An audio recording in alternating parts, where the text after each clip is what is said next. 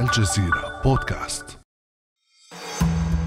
مثل بناية بيضاء ضخمة متسربلة باللون الأزرق رست السفينة الإسرائيلية إنفي هيليوستري في ميناء راشد بإمارة دبي إثر إصابتها بانفجار غامض في خليج عمان. سارع رئيس الوزراء الإسرائيلي بنيامين نتنياهو إلى تحميل إيران مسؤولية الهجوم على السفينة. كانت حقا عملية إيرانية. هذا واضح. إيران هي العدو الأكبر لإسرائيل وأنا مصمم على وقفها. نحن نضربها في المنطقة بأسرها.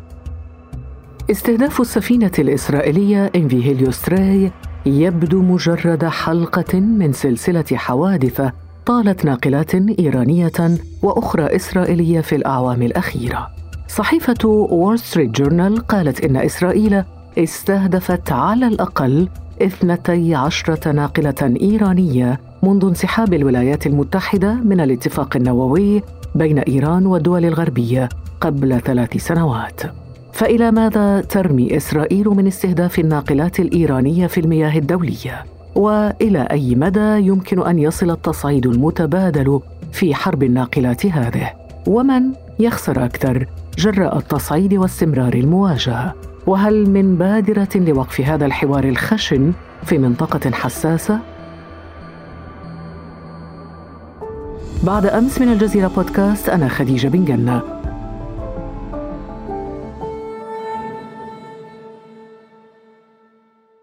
وأسعد بالترحيب بضيفنا الدكتور لقاء مكي الباحث الأول بمركز الجزيرة للدراسات. أهلا وسهلا بك دكتور. مرحبا بك ست خديجة.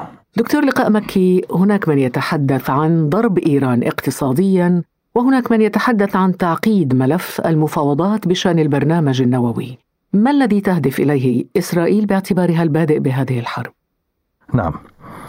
هو الحقيقة من الناحية الاقتصادية لا أعتقد أن للعملية تأثيرات آه، جوهرية لأن الضربات عادة جميع الضربات التي استهدفت الطرفين سواء سفن إسرائيلية أو إيرانية لم تكن هدفها الإغراق أو التدمير بل نقل الرسائل الخشنة كما وصفتها آه، العملية برمتها هي جزء من آه، حرب النفوذ بين الطرفين في المنطقة وجزء من التدافع بينهما على السيطرة على مواقع استراتيجية في هذا الإقليم على صعيد البحار بعدما كان هناك صراع على صعيد البر والجو.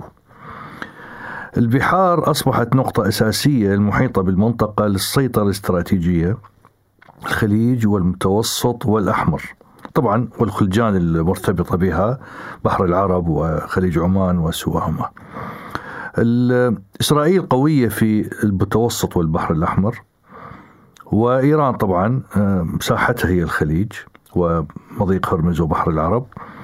وحقيقة آه، كلاهما يحتاجان كل هذه البحار. لا سيما إيران بالتأكيد تحتاج البحر الأحمر وإيران موجودة في البحر الأحمر منذ عدة سنوات كانت موجودة بحجة مقاومة القرصنة اللي بالصومال قرصنة الصومالية كما نعرف في سنوات سابقة كانت موجودة وبقيت هناك هذا كان قبل حرب اليمن وبعد حرب اليمن أصبحت لديها سفن منها السفينة الأخيرة التي ضربت مقابل موانئ جيبوتي وبين جيبوتي واليمن. واتهمت إسرائيليا بأنها سفينة تجسس تابعة للحرس الثوري وهي سفينة تصفها إيران بسفينة دعم لوجستي في المنطقة.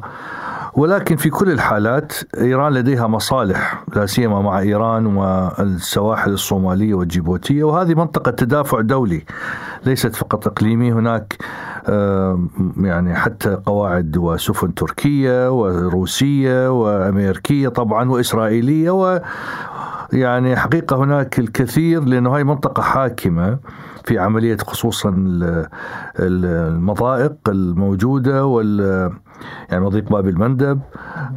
هذا المضيق خطير لأنه معظم التجارة العالمية ما بين آسيا وأوروبا تمر منه وبالتالي المصالح هناك حاكمة. على كل حال هذه جزء من عملية الصراع لإيصال رسائل كما أشرت. هدفها ليس التدمير ويخشى الطرفان منهم من أن يعني يحاولان أن يكتفيان من خلالها بنقل رسائل بدون أن يصلا بها إلى مرحلة حرب علنية. ولكن هناك خاسرون يعني إيران طبعا مع حلفائها حتى الآن تبدو خسارتها هي الأكبر من هذه الحرب. من الخاسرون الآخرون؟ هو بالحقيقة الخاسرون هم الأطراف المتعاونة مع إيران التي تضرب سفنهم سفن إيران بسببهم مثل حزب الله وسوريا. كثير من السفن ضربت في المتوسط بينما كانت تنقل شحنات نفط وأسلحة أو معدات عسكرية إلى سوريا وحزب الله منها مصانع أو يعني أدوات لصناعة الصواريخ آه، لحزب الله أو في سوريا الميليشيات وشحنات نفط شحنتين على الأقل نفط للنظام السوري. هذه ضربت ويعني لم تدمر السفن ولكن أجبرت على العودة يعني عدم تسليم شحناتها. وبالتالي يعني كان هناك متضرر هو القوى المتعاونة مع إيران. بالنسبة لإسرائيل السفينة اللي ضربت في خليج عمان كانت آه، تنقل سيارات آه، إلى آه، الصين. ولكنها طبعا كسفينة تجارية استخدمت هذه المنطقة بالتأكيد كأي سفينة تجارية. المشكلة الآن بالنسبة لإسرائيل أنها لا تستطيع يعني المضي في هذه العملية لأنها تحتاج آه، الخليج العربي والخليج ليس لديها فيه يعني إمكانيات للحماية. الآن إيران في البحر الأحمر بدأت تستعين بالسفن الروسية لحمايتها. فعلى إسرائيل أن تفكر مثلا بالسفن الأمريكية لحمايتها في الخليج وهكذا. يعني القضية أصبحت يعني حتى السفن التجارية للطرفين تحاولان الاستعانة بسفن. عسكرية لحمايتها نعم. طيب قبل قليل قلت دكتور آه، لقاء مكي أنه هذه هذا التوتر أو هذا الصدام لن يصل إلى مرحلة صدام عسكري مباشر لكن ردة الفعل الإيرانية حتى الآن هل تبدو لك منسجمة مع نظرية الصبر الاستراتيجي؟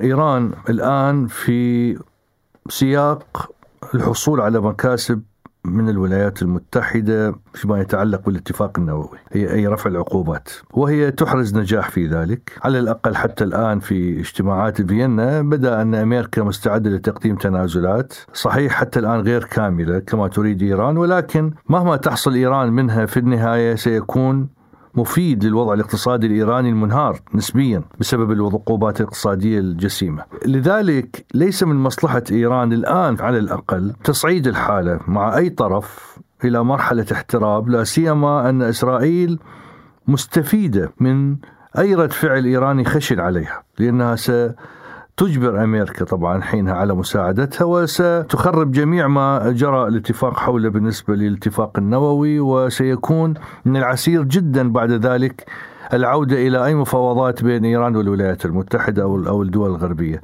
لذلك أعتقد أن جزء من عملية الضربات الإسرائيلية للسفن الإيرانية هو حملها على ردود فعل تؤدي إلى تخريب من المفاوضات الجارية. نعم في سياق ردود الأفعال دعنا نستمع إلى الناطق باسم الخارجية الإيرانية سعيد خطيب زادة معلقا على اتهام بلاده باستهداف سفينة إسرائيلية ثم نواصل نقاشنا هذا.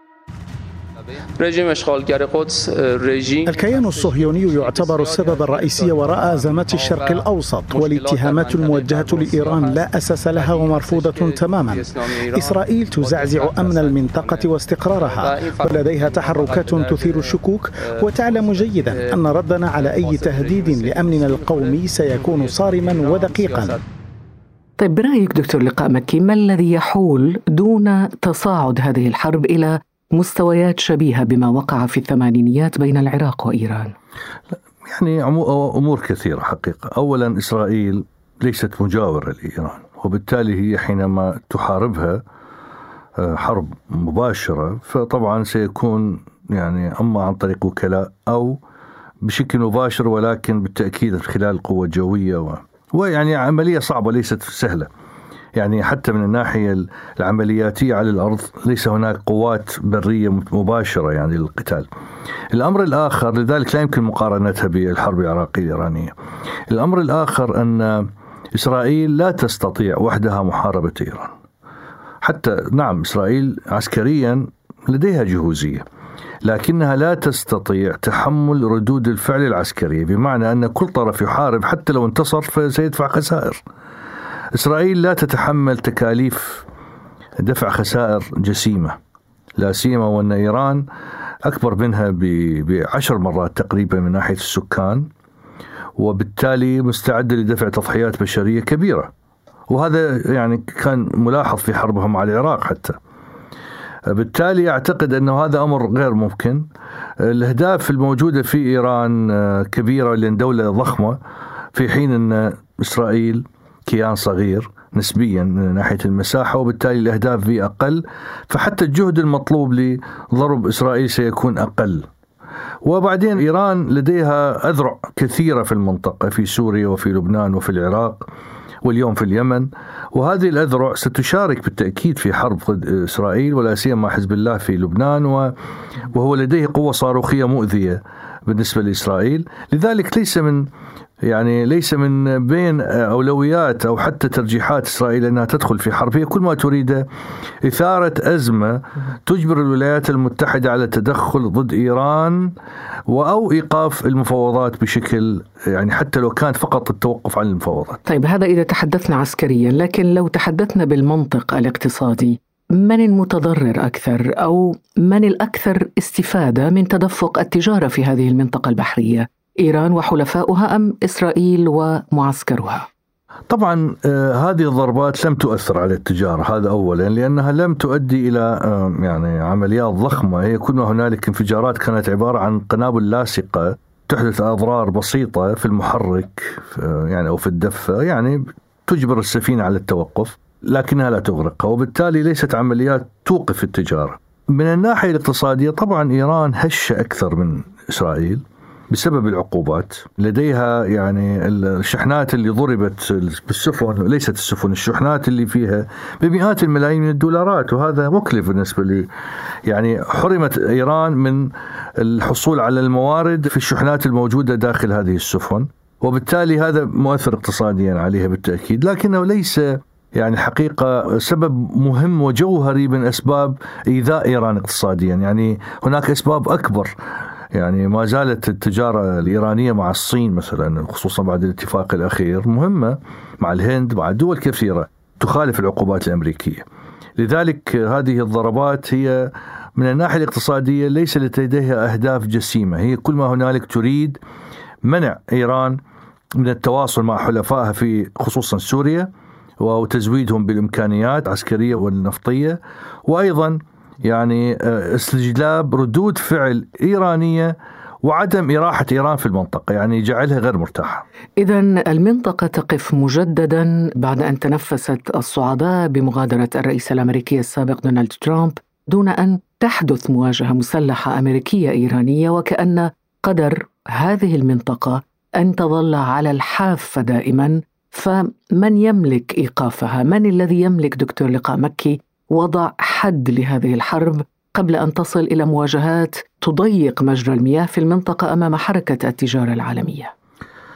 هذه المنطقة تعاني من الإزمات منذ سبعين سنة آه، منذ نشأة إسرائيل والحروب العربية الإسرائيلية المتعددة هذا التوتر لم ينتهي وبعد الثورة الإسلامية وحتى قبل ذلك كانت إيران حاضرة وتمثل مصالح أمريكا بل شرطة أمريكا في الخليج ومع إسرائيل ثم الثورة الإسلامية ونشوء الحرب العراقية الإيرانية والتوتر لم ينقطع.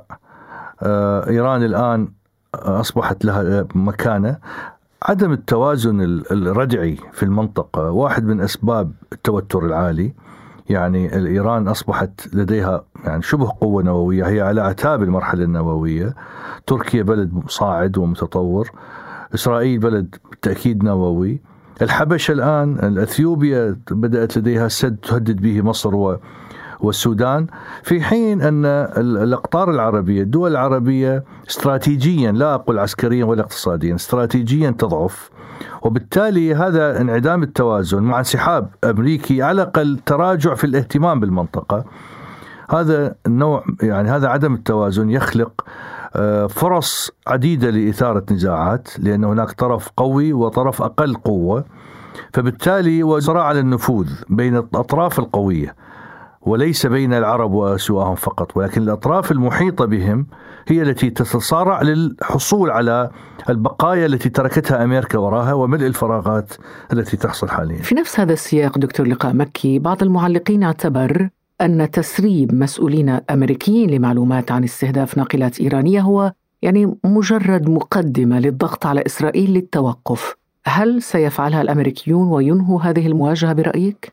هناك مشاكسة إسرائيلية أمريكية. مشاكسة إسرائيلية للولايات المتحدة حقيقة في إدارة بايدن. إدارة بايدن بالتأكيد كأي إدارة أمريكية لا تستطيع التخلي عن أمن إسرائيل. هذا أمر محسوم. لكن هناك بالنسبة لإدارة بايدن أولويات تجد إسرائيل أنها لا تنسجم مع أمنها القومي خصوصا الآن الحكومة الإسرائيلية الحالية الليكودية. بالتالي آه، ستعمد إسرائيل لانها غير قادرة على آه، يعني وقف إدارة بايدن على الأقل في مسعاها بالتعاون مع إيران أو التحاور مع إيران أو في دعم الفلسطينيين مؤخرا كما حصل من إدارة بايدن يعني إعادة المساعدة للفلسطينيين تعمل على مشاكستها. وإجبارها على الدخول في نزاع لا تريد هذه الإدارة. أو على الأقل إدخالها منطقة متوترة ومنطقة رمادية في حين أن بلينكين وزير الخارجية الأمريكي يعلن صراحة أن الدبلوماسية هي الطريق الوحيد للسلوك الأمريكي المقبل. إسرائيل لا تريد ذلك على الأقل في علاقات أمريكا مع إيران أو حتى مع مع الفلسطينيين. بالتالي هي تعمل على إثارة التوتر لإجبار أمريكا التي لا تستطيع أن تعادي إسرائيل علنا لإجبارها على اتخاذ موقف مع إسرائيل وحين ذاك سيكون هناك صدع في المحاولات الأمريكية للتقارب مع إيران وإنهاء الملف النووي. الدكتور لقاء مكي الباحث الأول بمركز الجزيرة للدراسات شكرا جزيلا لك. شكرا جزيلا. وكل عام وأنت بخير. وأنت بخير رمضان كريم. كل عام وأنتم بخير كان هذا بعد أمس.